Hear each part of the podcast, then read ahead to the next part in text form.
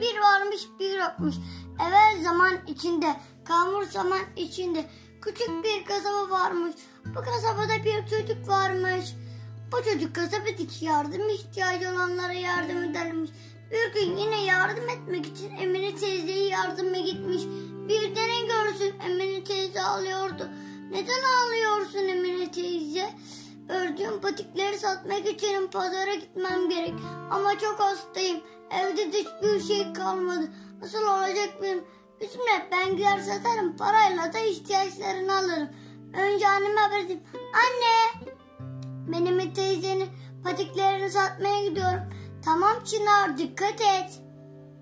Çınar vakit kaybetmeden pazara koştu. Götürdüğü bütün patikleri satmaya başladı. Götürdüğü bütün patikleri sattı. Emine teyzenin ihtiyaçlarını aldı. Emine teyze çok sevindi ve Çınar'a teşekkür etti. Çınar da yardımlaşmanın bir kez daha önemini anladı ve yardımlaşmaktan hiç vazgeçmedi.